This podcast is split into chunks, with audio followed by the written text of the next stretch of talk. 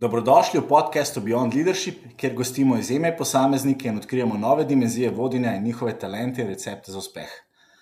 Z menoj je danes Borut Jeglič, je podjetnik, coach, predan razvoju vodij in zmagovalnih ekip, je tudi soustanovitelj več tehnoloških podjetij z področja izobraževanja in je definitivno ena oseba, na katero se jaz obračam, če rabim še na svet, kako komunicirati z zaposlenimi, kako voditi ekipe. Hkrati je pa zelo, zelo fascinantna oseba, kar bomo spoznali tekom eh, današnjega podcasta, ker ima blazen pogled, pogled v delovanje ekip, v razumevanje vodij in kako transformirati podjetja.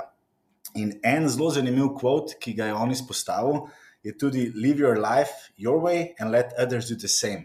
Zdravo, Borod. Živijo. Eh, da mi povej, ti si res v, v takem zelo zanimivem uh, poklicu, se pravi, ti dejansko izobražuješ vodje in si tudi definitivno sam, sam vodja na tem področju. Uh, Kot smo že omenili, si, si ustanovil kar nekaj tehnoloških podjetij. A si se zmeraj, ki si bil mlajši, videl v taki vlogi? Ne, v bistvu ne. Mislim, jaz sem tako na gimnaziji, tako nisem vedel, kaj bi. In takrat sem v resnici začel, kar me je potegnilo, no, začel sem brati malo tudi te knjige, ne, Robert Kiyosaki, uh, Anthony Robbins in tako naprej. In to me je v bistvu potegnilo malo v to podjetništvo tako pa sem šel študirati ekonomijo, čisto samo zato, ker sem rekel, da at some point nekje v življenju pač hočem biti na svojem, pa se je pa ostalo začelo v bistvu sestavljati iz tega. To, zdaj, če, bi, če bi jaz tebe srečal v gimnaziji in bi bila mi dva sošolca, kakšen si bil, kaj te zanima? uh, ful sem želel, tako ni, nisem imel ful širokega kroga ljudi.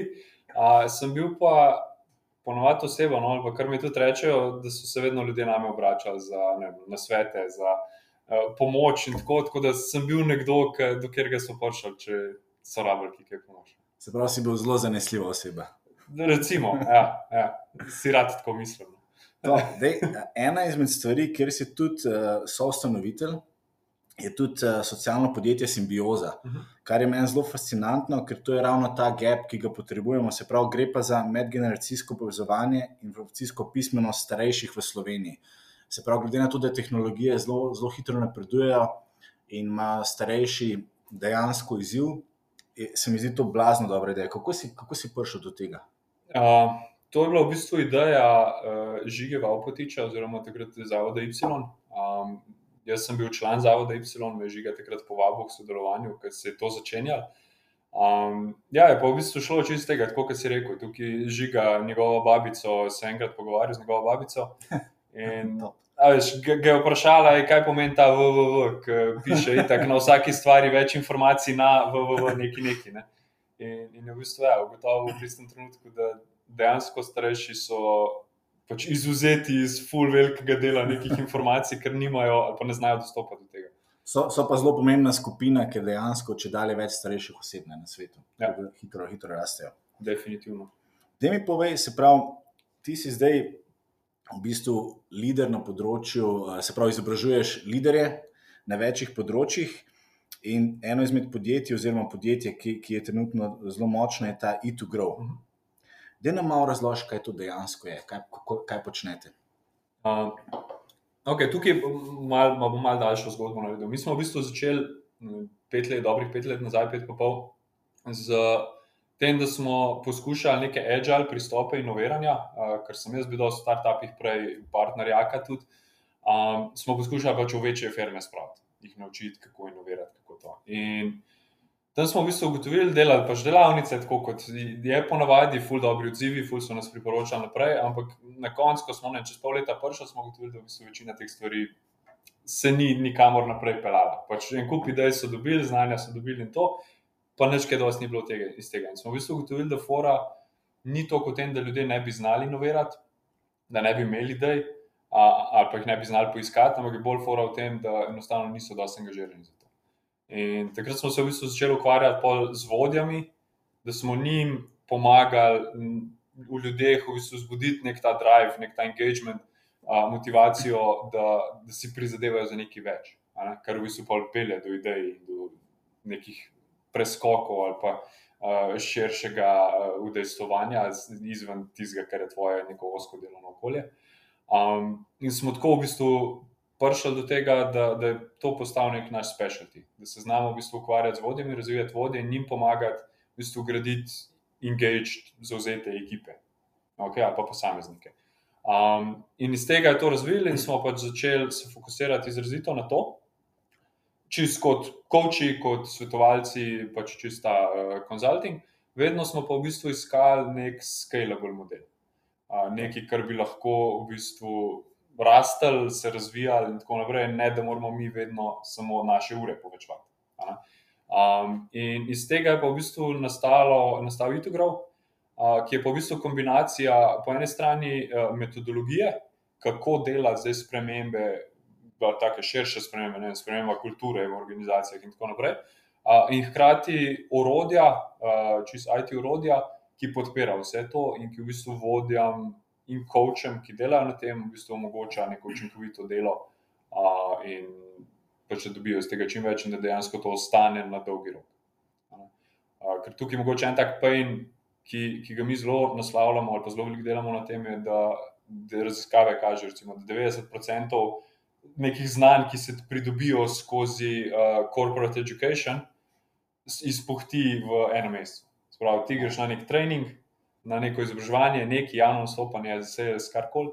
Um, čez en mesec bo velika večina tega v bistvu nikjer več. No. In tukaj se ogromno denarja, ogromno časa, ogromno energije stran vrže, uh, obstajajo pa načini, kako to narediti bolj učinkovito. Tako da s tem se mi ukvarjam. Ful dobro. Zdaj, ful dobro si izpostavil za, za, za talente. Eh, ker se mi zdi, da je zelo pomemben, da podjetja prepoznajo svoje talente in v njih vlagajo. Eh, zdaj, zelo, eh, zelo veliko se je o tem govorilo in se mi zdi, da je tudi ogromen izziv za podjetja, ker mogoče včasih ne, ne prepoznajo talentov ali pa premalo vlagajo v njih. In pa ta beg iz enega podjetja v drugega. Um, kako pa vi, v podjetje, ki prijete, kako dejansko, kaj delate s temi talenti, kako jih dejansko transformirate, učite? Um, ko govoriš o talentih, govoriš o ljudeh, ki so ja, perspektivni. Ja, okay. Ki so perspektivni. Ja. Um, tukaj pač mi v bistvu dizajniramo programe, ki so namenjeni temu, da v podjetju dosežejo to, kar želijo doseči. Okay? Se pravi, ali je to ne, dvig neke zauzetosti, ali je to zelo jasno usmerjeno v, v neke bolj konkretne cilje. Uh, in v bistvu zgradimo program, ki, ki to doseže.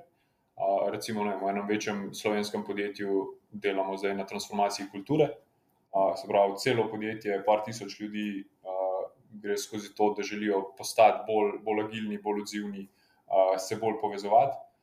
In take intervencije mi pa v bistvu lahko sestavimo. Um, kako to zgleda, spravo sestavljeno, so to dolgoročni programi, to, kot si predstavljaš, verjetno se ne ja. zgodi v enem tednu ali pa eno delavnico, um, se pač dogaja skozi mesece ali pa leta, odvisno. Um, predvsem pa zelo veliko individualnega fokusa na vodje. Sprav, zelo veliko delamo individualno, ena na ena z vsakim vodjem v organizaciji, ki skozi ta program v bistvu precej spozna sebe, precej, ali pa razvije nek svoj način vodenja, ki je učinkovit za njega in za njegov tim. Prav, ne pridemo tja in rečemo, da je Steve Jobs je tako vodil, da je zdaj koperi to, pa bo to delovalo zate, ker ne bo.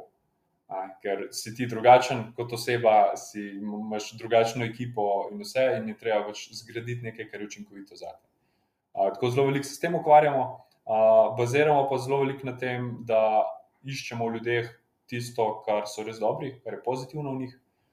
Mi temu rečemo talenti, recimo, ne, ne ljudem kot takim, ampak vsak ima v sebi določene talente, ki pridejo ven. Um, in poskušamo te talente odkleniti in razviti in jih aplicirati v daily business.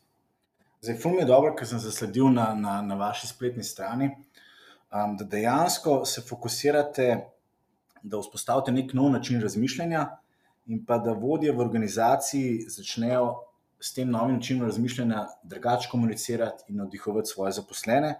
In potem ste izpostavili v analognem in digitalnem svetu. To me razloži, to mi je blazno fascinantno, da, da omenjate oboje. Ja, sprav, tukaj gre, gre v bistvu za tak blended pristop. Ne? Prav, ne gre se samo za to, da bi mi naredili eno delavnico, pač analogno uživo tam in, in predali neki znanje, rekel, da feedback sedaj na tak način, letni razgovor lahko delati na tak način, in tako naprej. Um, ampak gre v bistvu za kombinacijo še digitalnega urodja, ki ti z nekimi uh, opomniki, z nasveti in tako naprej, pomaga graditi to navado na daljše časovno obdobje. Ker dejstvo je, če ti enkrat nekaj narediš, ja, se bo nekaj fajn, ampak ne bo nekega dolgoročnega učinka. Ne vem, jaz doskrat dam primerjavo z umivanjem zob. Če si ti enkrat na leto eno uro umivaš zobe, ne boš kaj dosti naredil. Če si jih pa vsak dan za eno minuto, bo veliko boljši učinek na koncu. In tukaj v bistvu pride pa ta digitalna komponenta, ker veš, telefon imaš skozi sabo, telefon je skozi žepu. In ko ti greš skozi nek program, ko prvič veš, zakaj to delaš, imaš motivacijo, da nekaj tukaj dejansko narediš, veš, kam to fita v tvoje delovno okolje, v, v neko vizijo, ki jo imaš ti za podjetje, za sebe. In dobiš vsak dan, še, ali pa vsak drugi dan, ali pa kako koli je program, nek dodaten, ne vem, ali opomnik, ali, ali na svet, ali idejo, kaj lahko narediš, da boš danes boljši vodja.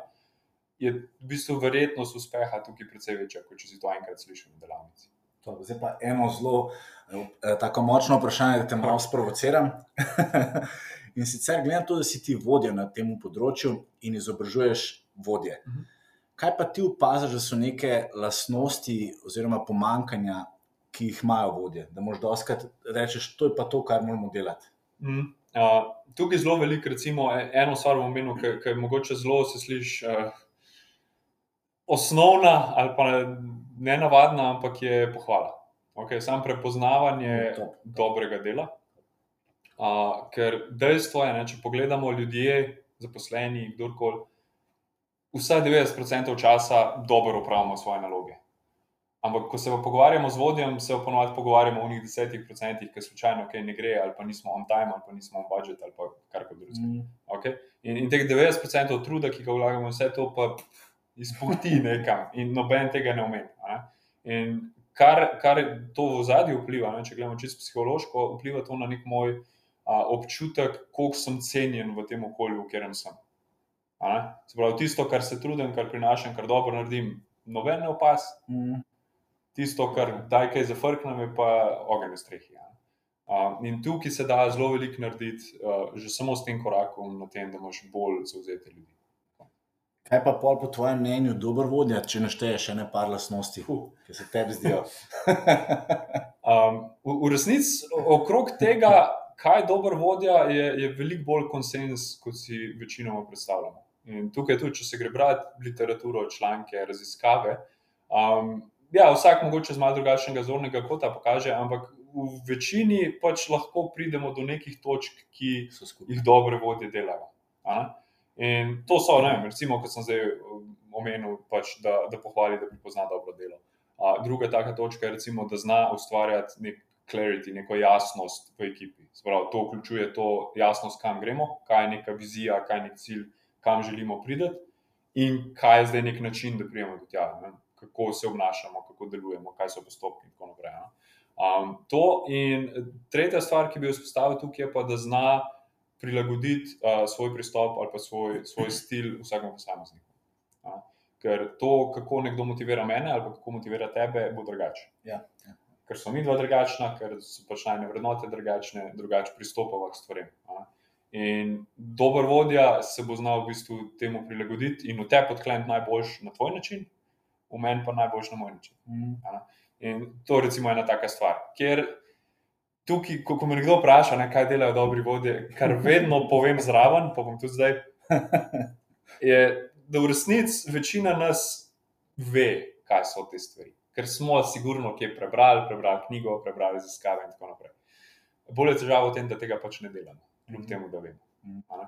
In tukaj se gre za to, kako to v teh finesah, vsakodnevnih interakcijah, ki jih imamo z ljudmi, kako se tam to izkaže vem, kakšen pogled damo nekomu, ki nam prije povedati, da, je, da bo pač en dan zamudil z nečem.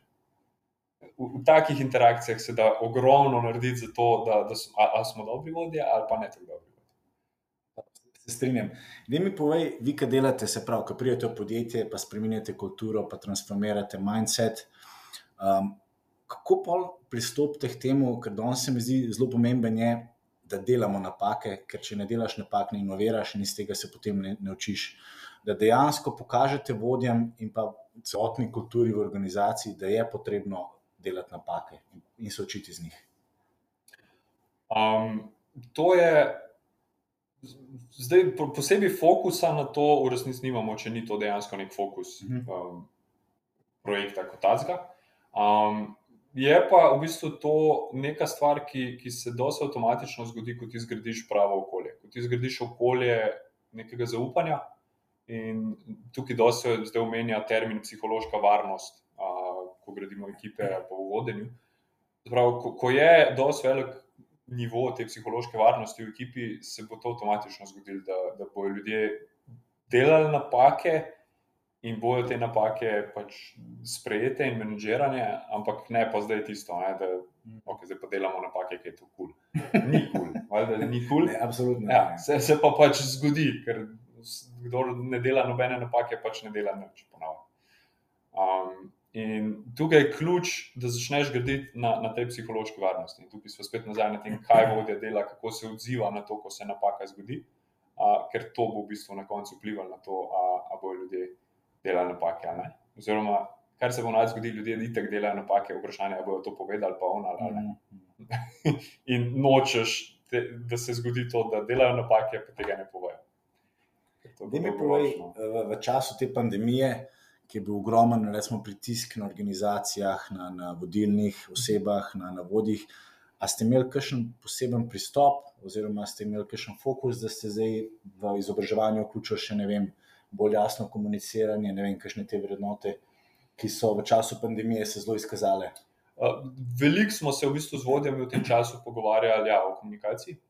Uh, zato, ker tukaj ena stvar se je zgodila, ki je bila zanimiva. Prej, prej se je komunikacija dogajala. Pač nekoga si srečal na hodniku, pa malo v kuhinji, pa, pa tako na VC-ju. Pa, pa si se pač malo pogovarjal, pa se je kakšna govorica. Tako, ogromno te komunikacije se je v bistvu zgodilo, ne da bi bila zavestna, ne da bi bila namenska, pač blaje. Zdaj, ker naenkrat tega nič več ni bilo. Vsi so bili doma in, in vsa komunikacija, ki se je zgodila, je bila zavestna. Nekdo je nekoga poklical, nekdo je nekomu poslal link do Zoom, kola, on se je preklopil, pač bilo je zavestno. Ne? In v bistvu vodje so mogli, ali pa dobri vodje so v tem času v bistvu veliko več truda vložili v to, da so razmišljali, kaj je zdaj potrebno skomunicirati, na kakšen način in komu. A, tako da, ja, dosti smo delali okrog tega, kako zdaj zagotoviti, da, da, bo to, da bodo ljudje še zmeraj dobili to, kar potrebujejo, da lahko opravljajo svoje delo, kljub temu, da manjka ta element neke žive komunikacije, govoric, izmenjave informacij. Super. Povej, ti si dejansko ste pionirji na tem področju. Um, kaj pa ti, kot Boru, tam imaš ti kakšne svoje posebne rutine, uh, vem, dnevne rutine, tedenske cilje, ki si jih zadaš, dnevne cilje? Um, jaz, tako da bi rekel, da imam zdaj zelo jasno strukturo nekih, ne vem, res vsak dan isto rutino. Ne. Um, velikrat sem že to probal, pa nekako ne, ne fita v moj koncept. Um, kako jaz delujem, je zelo močno na, na, na mindset. In kar jaz poskušam, je, da gradim svoje neka prepričanja, pa mindset in to potem avtomatično vodi vse moje um, odzive. No. In tukaj je ena stvar, ki je, jaz sem naravno dost uh, umeren, ali pa tako pač dajem na ljudi, ljudi pomerjam, tako je kakšna panika, ponavadi uh, ekipo in tako naprej. In ja, pač tega se zavedam, da imam to sposobnost in na tem gradim. Poskušam čim bolj graditi na, na stvarih, ki so mi blizu, uh, ki so moje sposobnosti. Zanimivo, top. Um, da mi povej, kaj pa je bil v tvojem življenju nek uh, tak, recimo, aha moment ali pa projekt, ki si rekel, jaz pa zdaj res hočem to delati, hočem se fokusirati na leadership, na vodenje in dejansko učiti ljudi, kako pravilno se tega lotiti. Fuh. Sem tako vam rekel, jaz sem od, od vedno, veš, na, gimna, na, na gimnaziji še niti ne, na faksu, ker sem bral tudi to literaturo, malo self-growth. Self vedno pišem, naj postavim si neko vizijo z življenjem, neki cilje. In, in, in tam, ko, ko grem zagledati nazaj, ne, ne vem, ti si leto 2010 in tako naprej. Ko sem pisal, vedno se je noter znašel neko izobraževanje, se pravi, to kot neka uh, osnovna tema nikoli nisem vedel, kako se bo to zgodilo, kaj bi znotraj tega počneč. Ampak zdaj, ko gledam nazaj, se je vse v bistvu ful sestavilo v to smer. Um, In tukaj, kjer, kjer mi je mogoče tak pivotal moment, uh, sta bila dva, bi rekel. En je simbioza, um, ki je bila v bistvu prva moja izkušnja vodenja nekega zelo kompleksnega projekta in zelo velike ekipe. Tam sem imel, recimo, pač prvič po faksu uh, 25 ljudi, kor ekipe, ki sem jo vodil zato da smo postavili tisto. Ne? Plus, bili so prostovoljci, kar zakomplicira določene stvari. Um, lahko. Um, in, ampak tam, tam, pa ne bom rekel, da je meni uspelo. V bistvu tam sem zelo sledil žigi, recimo žiga Valpotič, pa, pa en kup ljudi, ki so bili tam vključeni. In nam je v bistvu uspel zgraditi en tak, eno tako ekipo, ki je bila res powerful, res full high performing. Um, tako zelo naravno in vsi smo se ful dobro počutili tam noter in, in meni je bilo top delati. In smo delali po 16 ur na dan, brez plačila, ampak nam je bilo top. In, in to mi je bil en tak moment, ko sem videl, kaj je možno, ko si ti v eni taki ekipi. Okay? Drug moment mi je bil pa v enem podjetju, kjer je bilo pa nasprotje tega. Ker pa ekipa totalno ni delala, ker v bistvu odnosi niso bili ok, ni bilo nekega fair um, ali pa te občutka, ne vem, neke psihološke varnosti in. In sem videl to drugo plat, kako to deluje, in tam sem zelo veliko pozval in sebe, kako se odzivam na to, in vse ostale noter. In, in sem videl, koliko je v bistvu enega potencijala puščenega na mizi, zato ker ga enostavno ne znamo odkleniti. Um, in to sem bila ena, dva taka momenta, ki sem videl, pač, koliko je res velik razkorak med tem, kaj je možno, pa, pa kaj je doskrat realnost marsikšnega podjetja. Uh, in tukaj se je pač skozi naslednjih par let sestavila ta zgodba, da, da sem videl tudi, kaj pa je zdaj link, med, da prideš iz tega v to. Um, ja, in, in to, to, to se je sestavilo. Kaj pa po tvojem mnenju, ogromen bodi si ste že izobraževali, uh, ogromno ekip si spoznal. Kaj pa po tvojem mnenju neka magična formula, ki rečeš, wow, ta ekipa je pa res highly efficient, ta je pa res zelo, zelo učinkovita, produktivna, energična. Kaj bi bila neka formula, ki si jo ti opazil v času svoje kariere? Ni formule. Ni formule. Žal te moram razočarati, ker če bi bilo tako simpel, bi, bi to vsi delali. Um, sem formula tisto, kar sem prej v resnici rekel, da dobri vodi delajo. Um, zdaj, kako to delaš, je pa tisti magic, mm. magic fairy dust, ki ga ti dodaš, eh, ki dejansko naredi pol ekipo uspešno. Sprav, so pristopi, ki ti lahko omogočajo priti do tja. Um, ampak zelo težko bi pa napisal eno formulo, kjer bi rekel, da če boš temu sledil, boš imel top ekipo. Da mi poveš to, vi, ki se lotite tega celovitega uh, v bistvu projekta prenove uh mhm. -huh. neke kulture, pa spremenjena mindseta, to mora biti blazno kompleksno. In verjamem, da doskrat se, se najde tudi kakšen odpor v zaposlenih ali pa v, v kakšnemu uh, višjemu menedžerju. Um, kako pa potem to nekako prebrodite, take izzive? Uh, ja, mislim, to se pogosto dogaja, definitivno. Ker te projekte, ki jih mi delamo, so malo drugačni od nekega normalnega coachinga kot azija. Absolutno. V coachingu ponovadi ti gradiš na predpostavki, da človek pride do tebe željo, ker želi postati boljši, želi jeti skozi coaching. V večini naših primerov temu ni tako. Pač prijemo v podjetje s par tisoč ljudmi, ki imajo par sto vodi, in pač tam se reče, ok, zdaj želimo spremeniti uh, kulturo, želimo ne, zboljšati, kako ekipe delujejo med sabo. Ne? In zdaj, ja, kar, kar mi rečemo, ok, idealna slika je, da grejo vsi vodje skozi ta program začne se na vrhu, z upravo, z vršnimi direktori, oni grejo najprej skozi vse točke in pa naprej pač po hierarhiji. In ja, se zgodi, da pač niso vsi motivirani za to.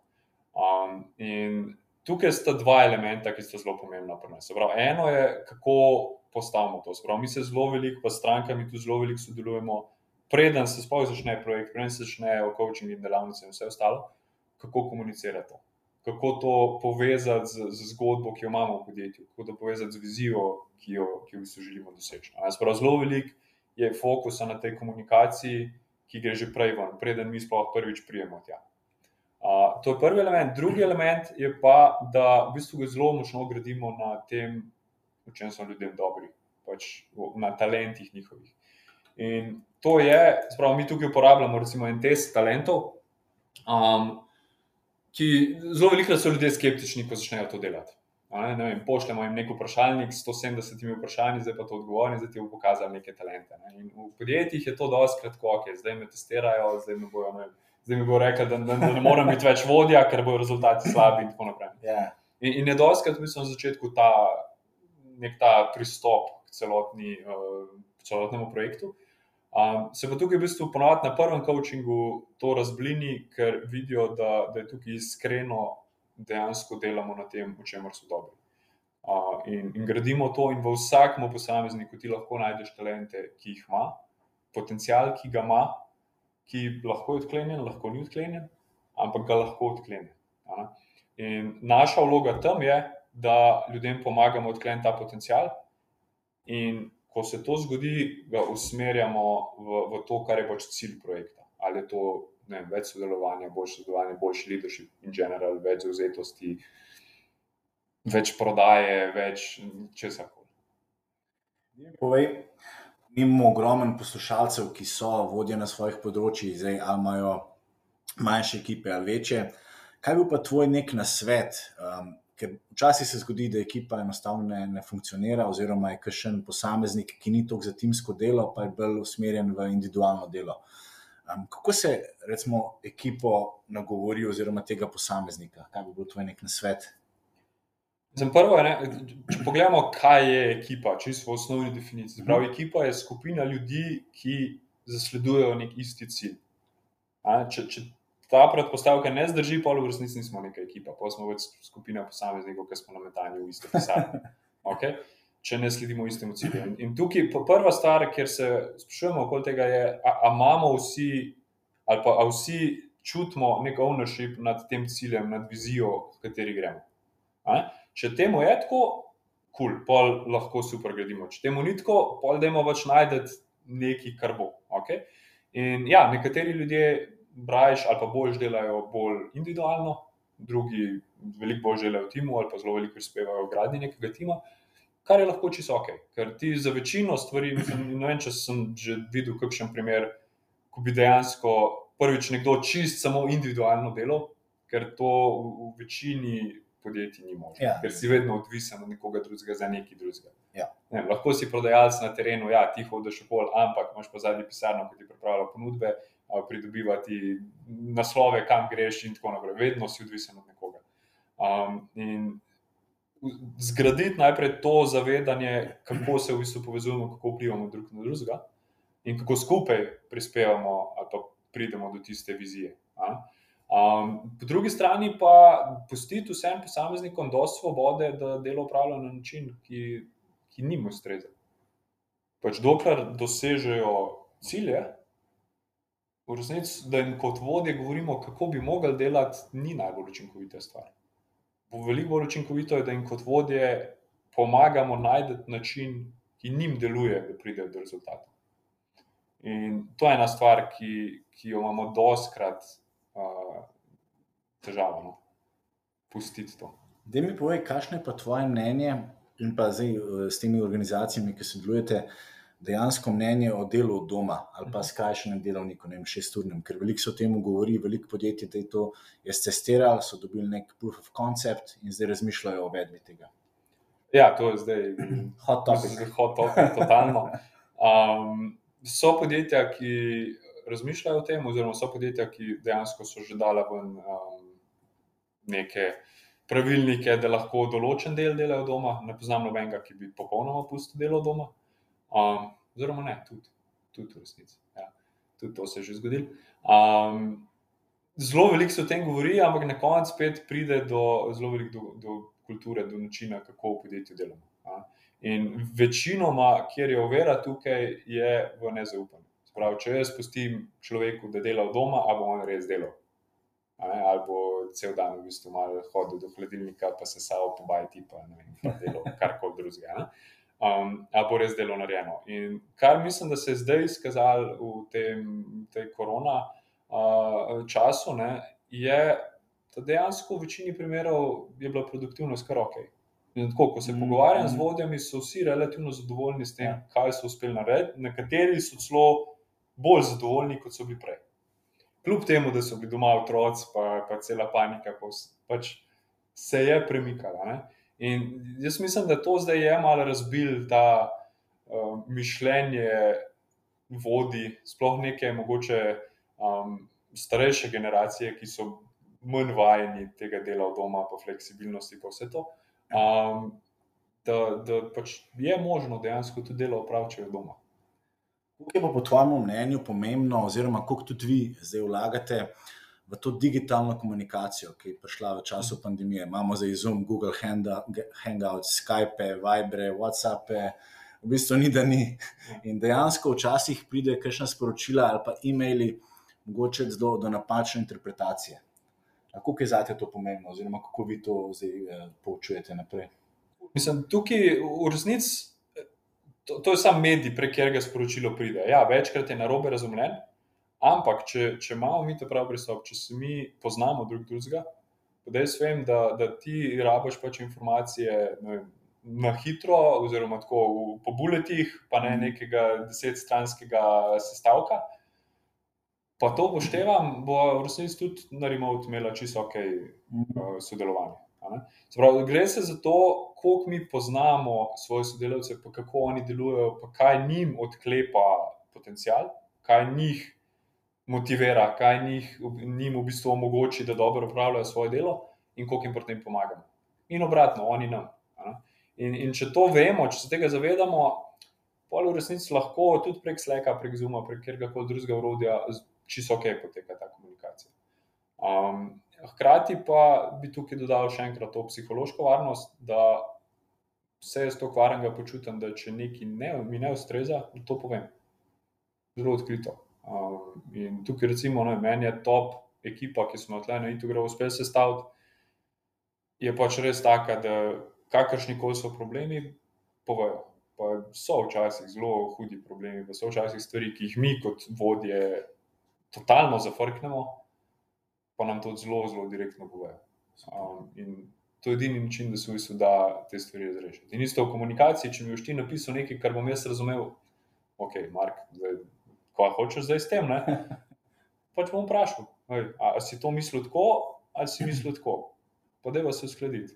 Če prvo, kul, cool. če drugo, ej, deva pač najti rešitev. Ne, ful dobro. Da mi poveš, ogromno se govori o tem pojmu, v bistvu Zoom fatigue. Mm. In Mhm. ogromno podjetij dejansko imel blazne izzive s vem, dvournimi, trournimi sestanki prek Zooma, Skypa, Google Hangouta. Uh, in tudi jaz osebno sem bil že na parih takih sestankih, ko si po sestanku tako izmučen, da, da res ne, ne moš verjeti. Um, kakšno je tvoje mnenje uh, glede tega? Oziroma, kako se tega lotiti, da ne pride do tega? Ja, mislim, kar se tukaj zgodi z Zoom fatigue, je predvsem iz tega vidika, ker nam na Zoomu, sploh če ne uporabljaš niti kamere ali tako, manjka en kup informacij, ki, ki si jih moramo v bistvu sami sestaviti. Ne, Ko si tako v sobi z ljudmi, čutiš njihovo energijo, vidiš neko neverbalno komunikacijo, vidiš vse, veš, kakšen je vibe. Na Zoomu tega ne veš. Ne? Sploh brez kamere je še huja. Ampak ljudje to rabimo v interakcijah. In, in če tega ne dobimo, si začnemo sami sestavljati. In tukaj gre pa ogromno neke energije za to, da, da zdaj jaz poskušam iz, iz tona tiste besede zvleči ven, kako se ta oseba počuti, pa je jezna name, ali sem kaj narobe naredil ali ne. In, in tukaj gre v bistvu zelo veliko energije za to. A, In spet bom prišel nazaj do tega, pač če, če je v ekipi to raven poznavanja, um, pa, pa da vemo, kako delati z enim z drugim, je v bistvu tega fulman, tega, te utrujenosti od zuma. Zato, ker vemo, kje smo, se čutimo, tudi če se ne vidimo ali pa ne sedimo skupaj skozi. Um, je pa res, da ta, ta eksperiment zdaj, ne, korona, um, je bil v bistvu lih tako dolg, da, da so se mogoče na koncu že začeli kazati neki učinki, um, ne pa dosti dolg, da bi se to res poznali. Uh, ker tukaj, kar se je zgodilo, zelo veliko se je šlo na račun enega baketa zaupanja in dobrih odnosov, ki smo jih imeli, in to se je zdaj skozi to obdobje porabljalo. Vsakič, ko je bila neka taka interakcija, ki je bila malo čudna, mi je malo vzel tega zaupanja, mi je malo vzel tega dobre energije, ki jo imamo mi dva. Recimo, ne. Mhm. In zdaj to nekaj cajt gre zelo lepo, ne? pa pride do ene točke, ko je ta rezervoar tako prazen, da, da pa enostavno poči. Tukaj so tudi podjetja, ki sem se pogovarjal z ekipami, kjer je začel proti koncu to že, te odnosi se že krhati, pa se že čutiti v bistvu neko uh, nepotrpežljivost, uh, nesramnost, bolj in tako naprej. Uh, tako tukaj, ja, pa ena stran zanimivo bi bilo kaj bi se zgodilo, če bi pol leta to trajalo. Kaj bi bil pa tvoj nasvet? Jaz sem se z ogromnimi uh, kolegi in kolegicami pogovarjal, ki imajo ekipe. In se je dogajalo, da uh, ljudje v ekipi doskrat niso hodili kamere prečkati uh Mhm. -huh. na teh medijih. Kaj bi bil tvoj nasvet za njih? Kako jih, pa nočemo biti za avtokrati, pa reči, kamera mora biti, ampak na nek mogoče subtilen, bolj prijazen način. Um, ja, mislim, to tudi, tudi mi delamo s podjetji, ker imajo prakso, da nimajo kamer. Um, spodbujanje tega v resnici, pa, pa razložiti, zakaj je to fajn. Uh, in tukaj so ekipe, ki so uspele to narediti. Uh, je pa res, da ja, ta avtokratski način ponovadi ne deluje. Ne? Mm. Um, ker tukaj vsem, pa, pa zelo hitro dobiš zelo avtokratsko nazaj. vem. To je moj dom zdaj, ne boste vi gledali, ne, ne vem, kva imam v zadnji v kuhinji, pa kaj otroci mi hodijo. Pač ne. ne.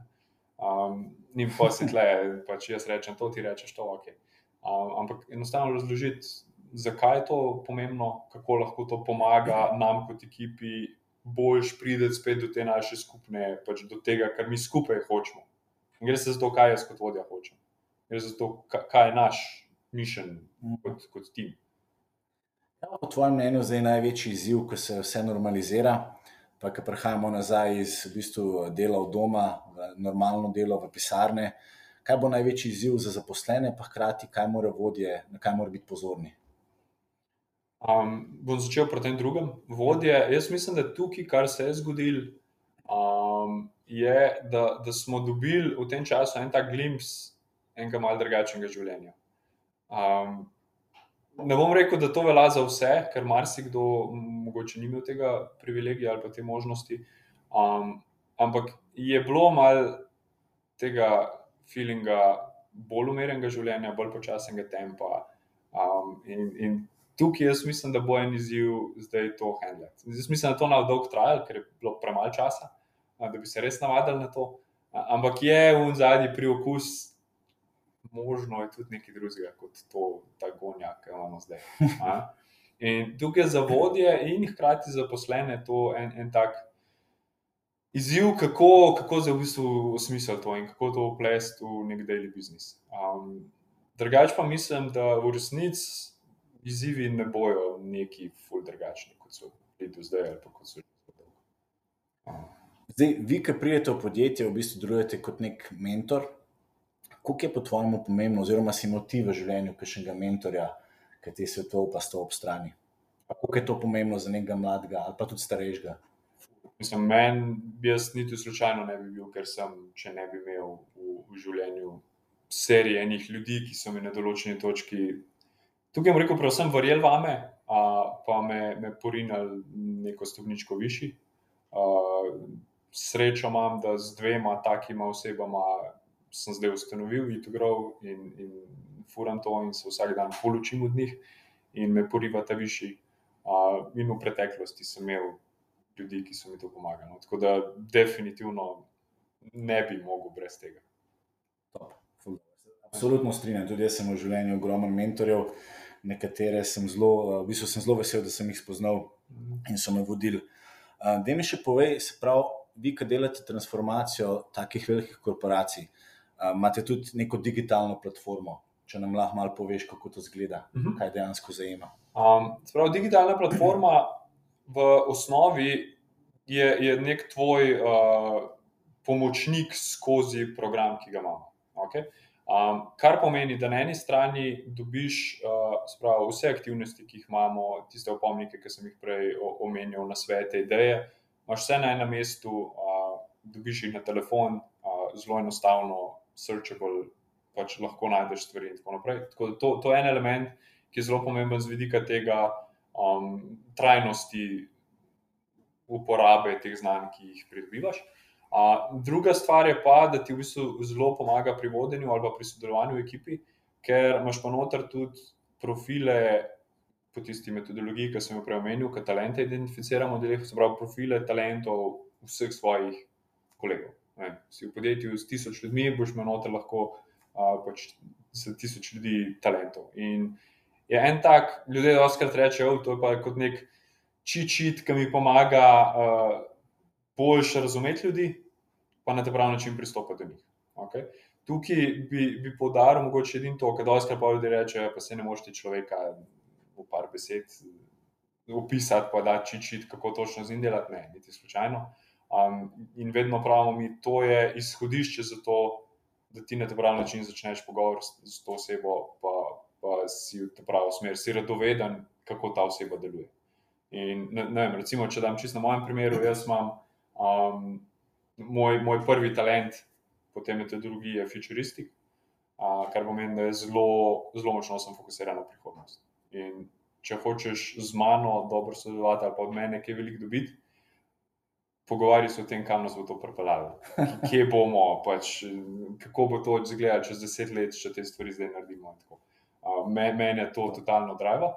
Um, in, in če to ostali vajo, in če imajo neko besedo, ki opiše to mojo lastnost, um, je to lahko fulno močno urodje za to, da dobro delamo. Se pravi, si dejansko ti zelo dober za strategije pripravljati. um, ja, mogoče uh, strategije je, je pri nas zelo jaka, veliko, veliko boljši. Uh, ker jaz vidim lahko določene stvari, ki, um, ki bi mogle biti, pa ki bojo. Uh, nisem vedno najboljši v tem, da znam najti pot do tja, iz trenutnega stanja. Sprav, vidim tisto sliko tam, da kako pa pride do tja. Um, imam pa pač kolege, ki, ki so še veliko boljši v tem. Dej se še malo zdaj fokusirati na te, se pravi, ti dejansko izobražuješ vodje. Uh -huh. um, Kako se je pa tvoj stil vodenja spremenil, spremenil tekom recimo, tvoje kariere, od simbioze, ki je bil tvoj prvi večji projekt, do tega, zdaj, da v bistvu dejansko delaš za multi-velike uh, korporacije? Neprimerljivo. Jaz sem skozi to ful zarastel kot oseba, kot vodja ali pa si vsaj jaz rad mislim. Um, uh, ampak ja, mislim, ogromen sem se naučil tem in predvsem se mi zdi, sem, če bi lahko tako eno stvar izpostavil, postal sem bolj, bolj zahteven, ampak zahteven na ta pravi način. Um, ker jaz sem vedno bil oseba, ki meni kul cool ustreza drugim. Okay? In, in ra, rad ustrezam, rad imam kul cool odnos, rad imam, pač ne pritiskam preveč, zato da, da se mi dva kul razumemo. In kar, kar kot nek vodja, ki želiš res neke presežke, mogoče ni vedno najboljša ideja. Um, tako da tukaj moram reči, da sem se dosti naučil, kako vseeno od ljudi pričakovati veliko, pa hkrati to narediti na način, ki njih motivira, da to dosežejo, ne pa jih uh, ubija. Uh, tako to je recimo ena taka stvar. Uh, druga je pa čist, kako gledam na ljudi in koliko sem se sposoben v bistvu uživati ali pa razmišljati o tem, kaj oni doživljajo.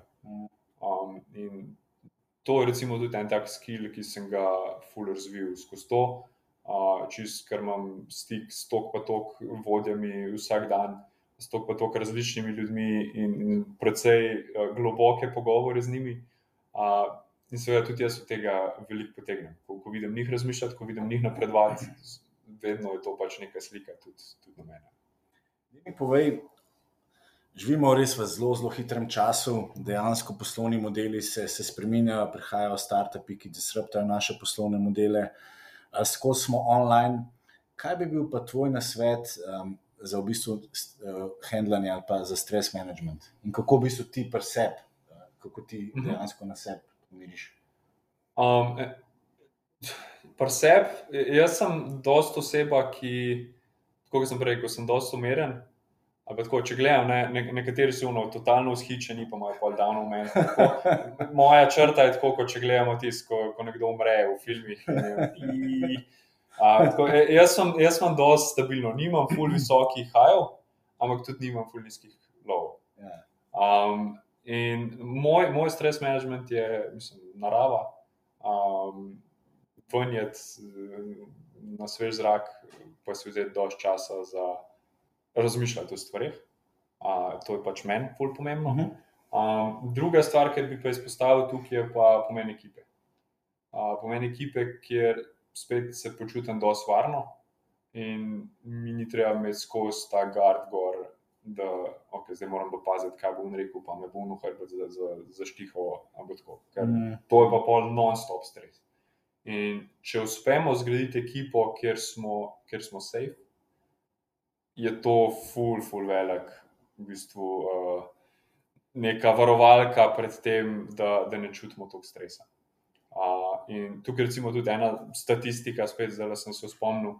Um, če imamo priložnost uporabljati svoje talente vsak dan, kaj to v praksi pomeni, če imamo priložnost stvari delati na način, ki je nam blizu, ki fita na, na neke naše sposobnosti, ne, mhm. da imam jaz priložnost gledati v prihodnost, pa razmišljati o tem, a, bomo v bistvu občutili a, trikrat manj stresa, kot če te priložnosti nimamo.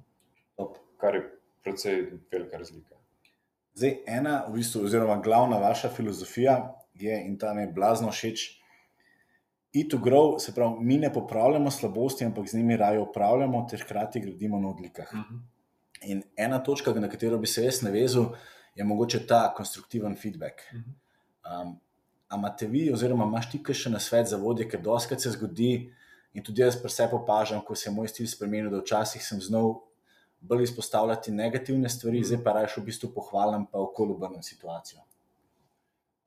Zanimivo, da ste to vprašali. Le dva dni nazaj sem vodil delavnico, imamo zdaj serijo delavnic uh, v eni firmi na, na temo v bistvu vodstvenih pogovorov in feedback -hmm. je valjda mhm. tudi ena od teh. Um, tukaj verjetno vsi poznamo to sandvič tehniko. Ne? Poveš nekaj pozitivnega, pa pol poveš tisto, kar hočeš negativnega povedati, pa pa spet na pozitivno končaš. Um, kar se izkaže, da to ni najbolj učinkovito. Okay. Ker zgodita se dve stvari. Ena je, da ti to tako zapakiraš v une pozitivne stvari, da človek sploh ne sliši negativne. In tako je, že vse, vse ok, se mi treba reči res. In pa nisi dosegel svojega namena. Druga stvar je pa, da ti začneš z unimi pozitivnimi, človek itek že ve, kaj bo pršal, ker je tudi on že večkrat slišal te floskole ne? in itek sploh ne posluša pozitivnega in ne vpliva na njega in, in sam čaka, ok, kdaj bo pa počel zdaj. Ja. In v bistvu pristop, ki ga mi izpostavljamo ali pa mi učimo, je, je veliko bolj direkten pač začneš s tem, um, da rečeš, da je rad biti dal feedback, uh, zato ker je feedback meni v life pomagal veliko, uh, pa bi rad tudi te pomogočil. A se strinjaš, da ti dam feedback. A? In tukaj, kar se zgodi, nikoli še nisem slišal, da bi kdo rekel ne. Prvič, ampak je pa s tem, ko, ko vprašamo osebo, veliko večja verjetnost, da, da bo dejansko sprejel feedback, ker je sam rekel, da ga želi. Okay? Um, in pa pač to zelo direktno povemo, uh, pri čemer je pa treba gledati na to, da vedno poskušamo vključiti njega. Sprav, ko jaz povem feedback, ko jaz povem, da je Mark takrat na tistem sestanku si gledal na telefon, to mi je bilo ok, zato ker želimo na stranko narediti tako tak vpliv. Um, in, in to ni ok, da zgledamo, da smo distrakti. Okay? Tako sem jaz videl situacijo, kako si ti videl, kaj si ti v tem trenutku doživel. Tebe bom vključil noter v to. Ker to, kar sem jaz videl, je moja, pač to je šlo skozi moje očala, jaz sem gledal skozi moje očala, ne, mhm. ne vem celotne slike. In bolj, ko je s tebe vključen, bolj boš ti čutil nek ownership nad tem, a, a de, pač, da imaš možnost povedati, kako si ti videl to situacijo. A, in pol mi, da uskladiva to, najdeva, ok, da se strinja, zdaj, kaj tukaj ni bilo. Um, in pa gremo naprej na, na to, da najdemo nek akcijski korak, kaj bomo pa zdaj naredili, da se to ne bo zgodilo. In, in če smo te korake prej ok naredila, boš ti čutil zdaj željo to popraviti. Mhm. Ne samo zato, ker ti je en tečen šef rekel, da ne smeš na telefon gledati. Ajde, ne bom zdaj, ko bom zraven, ko ga ne bo, pa itek bom spet. Ampak zato, ker veš, ja, ja. zakaj je to pomembno. Um, in, in fulje je pomembno tudi to, da dejansko naredimo neke akcijske korake. Ker to največkrat pozabimo. Ker nam je že tako bed, da ta feedback, pa se slabo počutimo in mi, in on in pol ga damo, in pol je malo tako čuden, in zdaj pa nočemo še pritiskati, da pa mora še nek plan narediti za, za to. In, in pol kar pustimo tam. In zdaj sem mu dal feedback, on se slabo počuti, hkrati pa nima nobenega načrta. Kaj pa zdaj bomo naredili, da to ne več tako. In, in smo oba nezadovoljni na koncu. In ni na meni dosežen. Blazno, blazno dober na svet. Eh, da mi še povej, kaj bi bil pa tvoj nasvet um, glede motiviranja zaposlenih? Kako je ogromno je nekih možnosti, zdaj, ali denarne ali ne denarne mm. nagrade, ali kot si prej rekel, pohvala je meni blazno fascinantna, Mhm. pa se mi zdi zelo dobra. Kaj, kaj bi bil nek tvoj nasvet glede motiviranja zaposlenih, kako se tega lotiti? Najdete, kaj motivira vsakega posameznika. To je najbolj pomembno. Lahko je nagrada, pa res, da tle finančna nagrada bo velik motivator do določene točke. Mm. A, Tukaj nam zadnji sem raziskal, mislim, da v Ameriki je pač denar motivator, mislim, da do 60 tisoč dolarjev letno. Kar je na tem, pač ne bom več toliko se trudil ne, za to. Uh, in tukaj, kar je ključ, je, je pač prepoznati, kaj, kaj driva vsakega posameznika v določeni fazi. In tukaj, ne, zelo velikrat za mlade ne, je, je to neka možnost uh, rasti, izobraževanja, uh, da se izkaže, da mu damo pač priložnosti in, in ga nagradiš s tem, ker mu daš te stvari. A? Za nekoga drugega, ki ne vem, je kar dolgo družino, ja, bo mogoče finančno še toliko bolj, ali pa čas, ali pa malo več Mm. free time, flexible working hours in tako naprej. A? Um, in enostavno prepoznati, pač kaj, kaj deluje vsakmu. Um, je pa to, to ni osnova za motivacijo, to so stvari, ki pač pomagajo pri tej stvari. Ampak spet, če jaz ne vidim namena, zakaj delam to, kar delam. In to se mi zdi tako, če gledamo čisto kot society, full velik problem, ki ga imamo trenutno. Ker večina ljudi v svojem delu ne vidi smisla. Pač Hodim v službo, ja, delam to, kar mi šef reče. Ja. Zakaj to delam? Ne vem, zato da pač podjetje zasluži, pa da jaz dobim puno plačo. na koncu. A? Noben ne bo motiviran tako, ne glede na to, kaj ti delaš, nagrade in tako. Več nagrad, ko že dajo, bolj bo zgledal uspešen, bolj si bo lahko prvošil, da gre kam drugam. Zdaj, eh, še eno tako malo provokativno vprašanje. In sicer, jaz bom rekel, da se mi zdi, da skoraj že vsak teden dobim en nov uh, mail ali pa nova spletna stran ali pa nova oseba, ki mi piše, da je postal coach in Mhm. pa dejansko da uči vodje. Kako ti na to gledaš? Ker vi ste v bistvu, se mi zdi, verjetno eni prvih, ki ste se lotili tako kompleksnega procesa, da imate take večje, velike stranke. Um, kako ti na to gledaš? Mislim, Zelo veliko je, je coachinga kot tazga. Jaz, uh, mislim, jaz osebno valjda vidim zelo velik value v coachingu. Ker da imaš ti nekoga, ki ti pomaga razmišljati, ki ti da malo gledalo, je, je lahko zelo, zelo, zelo beneficial. Um, je pa tukaj tako, ne, da se moraš tudi kot coach zavedati svojih omejitev. In, in tukaj se mi zdi, da doskrat ni dost neke samokritičnosti od kakšnih coachov. Um, ko, ker dejansko, ne vem, recimo, doskrat se govori o meji med coachingom in terapijo, pol, ne, ker tukaj zelo velikrat priješ na, na to mejo. Uh, ko se ti pogovarjaš z ljudmi o nekih stvareh, pride tudi do, do takih tem. Ne? In, in moš vedeti, kje je meja. Um, hkrati pa ti biti zelo prav naštiman. Uh, sej, mislim, orodja coachinga ali pristop coachinga v resnici ni tako težko. Kaj je težko, je, da ti menedžeraš sebe, a, da ne uletavaš noter, pa, pa zdaj narediš ta cel pogovor o, o tebi, ampak govoriš o njemu. Um, tako so pač te finese, ki, ki morajo biti. Ampak, lej, mislim, jaz sem all for it, da, da je teh coachov čim več. Uh, zato, ker je zelo velika vrednost, če ljudje imajo nekoga, Mhm. ki jim pomaga razmišljati. Um, je pa na koncu tek tako, da trg pač naredi filter. Tako da oni, ki ne dosežejo rezultatov, ne dosežejo nekega impakta, pač ne bojo preživeli. Um, tisti, ki pa pa in je ok, tako v resnici.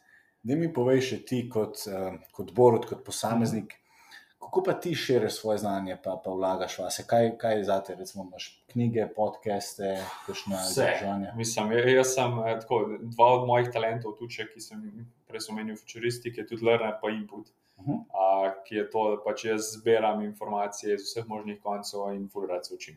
A, tako da, ja, članki, podcasti, knjige, uh, zdaj ne vem, audio knjige sem ful začel poslušati v avtu, zdaj, ki se vozim. Kje je kakšna knjiga, da je malo mal omen? Recimo zdaj berem, bom to omenil, kaj jo zdaj, mislim, berem, poslušam uh, Turn the Ship Around, ki je v bistvu leadership, o leadershipu govori. Uh, je pa napisal en um, poveljnik ene jedrske podmornice ameriške. um, ki je pač spremenil način, kako te vodijo. Uh, tako da tudi zanimivo. No? Ampak ja, večinoma so pač na temo ne, leadershipa, sprememb, change managementa in uh, tako naprej. Zdaj, tvoj podjetnik, najljubši je Richard Branson. Zakaj? um, on je meni fascinanten, predvsem zaradi avtentičnosti. Uh, to, to je avtentičnost, je tako dosta visoka vrednota na, na mojem seznamu osebnem. Uh, in jaz nisem tista oseba, ki bo v enem kontekstu en, drugem bom čist neki drugega, pač jaz sem jaz. Okay? In, in se ne bom upravičeval za to, če komu ni všeč. Pač, okay. Um, in in pri njemu mi je všeč to, ker pač fura life na svoj način, kot si prej moj kot izpostavil. ja. um, in, in pač to, to dela vrhunsko. Um, In ja, ne vem, pač njegov stil, daleč od tega, da bi bil jaz podoben kot on, ali pa je tako utrgan v določenih pogledih, če tako rečem, ali pa da bi se tako izpostavljal um, kot on, on je pač v tem vrhunskem, ampak ja, to, to mi je všeč, no, ker pač live fura na svoj način. Kaj sta tvoja dva najljubša epa? Epa, ok. Uh, mislim, tukaj uh, enega bom izpostavil, Itogrov, uh, ker ga dejansko dosto uporabljam za. za ekipe, da, da v bistvu dobimo pogled v ljudi in mi pomaga pri sodelovanju. Um, drugo, mislim, da bi šlo zdaj vse te tipične, ki, ki jih imamo itek vsi na telefonih. Ampak bom recimo izpostavil uh, YNAB, to je YNAB, uh, ki je ena stvar, ki noben ne pozna, pa sem. Ja, predvsej zihar. Prvič slišim. Ja, predvsej zihar, da tudi poslušalci večina ne bo poznala. Je pa v bistvu budgeting app. Okay, tako kot Tošel, recimo, mogoče kdo pozna, ali pa kakšni taki zbral, čist spremljanje financ, upisovanje notar, pač stroškov, prihodkov in tako naprej. A, zakaj to izpostavljam? Ker to mi je ful pomagal pri tem, da sem preživel tako early startup days, ko pač dejansko ni bilo cache nič in, in sem mogel biti ful kreativen, kako ga razporejam okoli. Um, in mi je ful pomagali, ker mi je všeč pri tem appu, ker nisem, da beležiš, ampak ima neko filozofijo zadnji, ima nekaj, ki te nauči, kako to delati. Uh, in mi je ful dobro. In zdaj imam vem, zadnjih, mislim, da gre sem čez 2014, se mi zdi, pa še prej. Vem, zadnjih 6-7 let dejansko vsi moji stroški in prihodki, od ne vem, kako kupam čigumije, uh, par centov do vem, največjih, ki kupam avto ali pa hišo, vse je pač noter. Tako. Ne mi boj, ti si imel kar nekaj startupov čez v svoji karieri, zdaj delaš z velikimi ekipami. Uh -huh. Ampak bi rekel, da si razvil tekom svoje kariere žilcev, da takoj vidiš, da bo kakšen projekt uspel oziroma fajlo. Žal ne. Ne. Bi si zelo želel, da bi jo, ampak eh, ne. Tudi ne vem, ali je, je to možno. Mogoče na nekem področju zelo osko, ampak generalno pa mislim, da ne. Ker to, to je ne, pa vedno v startupih pravijo. Uh, pač, da ideja je 10%, eksekucija 90%. Lahko je pač ideja briljantna, pa bo eksekucija za nič. Pa ne bo ja. nič iz tega, lahko je pa ideja neki average, pa bo eksekucija tako huda, da, da bo uspel. Zdaj, še ene stvari se mogoče niso dotaknile. Dejansko vi um, zelo malo delate v Sloveniji, ne? ste bolj v, v tujini. Mm, bom Oziroma, rekel, vedno ja. več. Ja. Vedno več, vedno večji delež našega dela v tujini. Um, mi imamo trenutno, okay, zdaj sta še dve generacije, ki jih dodajamo, se pravi, smo, smo že zelo blizu 100 coachov po celem svetu, ki v bistvu delajo po naši metodologiji z našimi urodi. Um, tako da mi jih v bistvu certificiramo, uh, se pravi, uvedemo v, v ta naš način dela, v metodologijo, ki jim pomaga prepeljati neko lasting, trajno spremembo v organizacije, s katerimi delajo. Uh, in ja, delajo pač projekte po celem svetu zdaj recimo ravno v Angliji, uh, na Pfizerju, uh, tako full, velik ekip v, v tisti njihovi, v centrali Pfizerja, uh, gre skozi take programe na šolah v Angliji, se dela v Coca-Cola, v Puerto Riku, so vsi vodje šli skozi to. Um, pa še ja, tako zelo, zelo fajn. Vem, kako pa kultura vpliva na vodje. Jaz ti lahko povem osebne izkušnje, mhm. -huh. ki imamo v bistvu švedske sodelavce, da precej, so precej drugačni, kot pa smo recimo Slovenci, oziroma mogoče kakšni Nemci, ki so bolj taki mm. točni. Kako je kultura? Kaj? Mislim, vpliva definitivno, ful, ker vedno se treba prilagoditi čisto lokalnemu okolju. Vem, poznam tudi recimo primere, ko je nekdo bil full vrhunski menedžer v enem švicarskem podjetju, pa so ga pol rekrutali v, v en startup, ki je postavljal zadeve na istem področju, ista industrija v, na polskem, pa je bilo kaos, totalna katastrofa. Pač, ker enostavno, pa, pa ne bom rekel, da je to samo zaradi kulture, uh Mhm. -huh. mogoče pač so osebnosti tudi tako nasplošno v tisti ekipi, pač se niso poštekali in, in, in mu ni rad ali pač se stavili. Um, ampak ja, kultura, definitivno ja, uh, je pa to, ne, kar mi učimo, kar mi delamo z vodjem, je, da ti odkri svoj stil vodenja. Ne bom ti jaz povedal, kaj je najboljši stil vodenja. Jaz te bom podpiral, ti bom pomagal pri tem, da ti odkriješ svojega. In ko boš ti odkril svojega, bo to po definiciji vključevalo kulturo, v kateri ti delaš, ekipo, v kateri ti delaš. Top. Okay, zdaj počasi, da, da zaključim. Mhm. Kaj bi pa tvoje tri, recimo, nauke oziroma nasveti za naše poslušalce, mlade vodje, izkušene vodje, uh, Okay. vse? Um, okay, prva, kar sem se naučil, pa bi rekel, je, da vem, podjetništvo, vodenje, v bistvu česar koli se lotevamo, je full tek na dolgi progi. Jaz sem vedno na začetku sem imel idejo, da, ja, je, da to dve leti stisnemo, pa bomo uspešni. pa tako, In po dve leti okoli smo še slabši, kot smo bili tam na začetku. In, ja, um, in tudi zdaj, ko pogledam, pet let, dobrih pet let se ukvarjamo z, z igro. Um, dosega smo ogromen, ampak niti slučajno ne vsega, kar hočemo. Um, in ja, je, je pa čista lekcija, da, da moraš uživati v tem daily grindu uh, in tukaj najdeš smisel, ne samo končnem cilju. Ker če sam tam boš, boš znoril in pregorel v, v daily grindu. Um, tako to je ena taka stvar. Um, druga je pa čist iz vodenja, pa iz teh izkušenj, uh, ki jih imam pač z vodjami okoli. Prvo se moramo naučiti v bistvu voditi sami sebe, svoje čustvena stanja, svoje odzive, svoj, pač to, kar pride ven iz naših ust, um, pol vodimo druge. Ker brez tega prvega dela bo ta drugi del v najboljšem primeru povprečen, zelo verjetno pa ne najboljši, pač precej slab. Super. Um, tako to je ena taka. Tretja, ne vem, mogoče, da, mm, da dejansko se več ozremo okoli, pa dejansko pogledamo ljudem okoli nas v oči, pa se vprašamo, okay, kdo si ti kot človek. Zanimam, zanimaš me ti kot človek. Um, ker, kar se dogaja, ne, v, v tem si omenil tempo, pa, pa cilji, pa skozi sledujemo to, vse to vleče nas fokus na nas. Pač jaz imam to dela, jaz moram to narediti, jaz imam eno nalogo, zdaj jaz imam to, pa moram iti pa tja, pa moram to. Da, da enostavno doskrat pozabimo na ljudi, ki so okoli nas. In so pa ravno te ljudje, ki so okoli nas, tisti, ki naredijo celo to našo izkušnjo življenja worthwhile pač vredno. In, in so tisti, ki nas na koncu podprejo, pa, pa so naša varovalka pred stresom, tako kot smo se prej pogovarjali. Mm. Uh, tako da to, tretji. Super. Zdaj, Borut, jaz bi se ti zelo rad za še enkrat zahvalil za, za tvoj čas, za tvoja razmišljanja, poglede na svete, izkušnje. Uh, tako da še enkrat, eh, dragi poslušalci, z nami je bil Borut Jeglič, podjetnik, coach, ki je predan razvoju in pa vodi uh, in v bistvu ustvarjanju zmagovalnih ekip. In pa v bistvu tudi soustanovitelj simbioze, in pa blazno, blazno fascinantna oseba. Pa jaz bi tudi rekel, verjetno en pionir na razvoju teh programov za, za vodi. Um, tako da, Borut, zelo, zelo lepo, da si bil z nami. Vem, da bodo poslušalci uživali. Hvala ti. Ja, hvala tebi, ful sem užival. Super.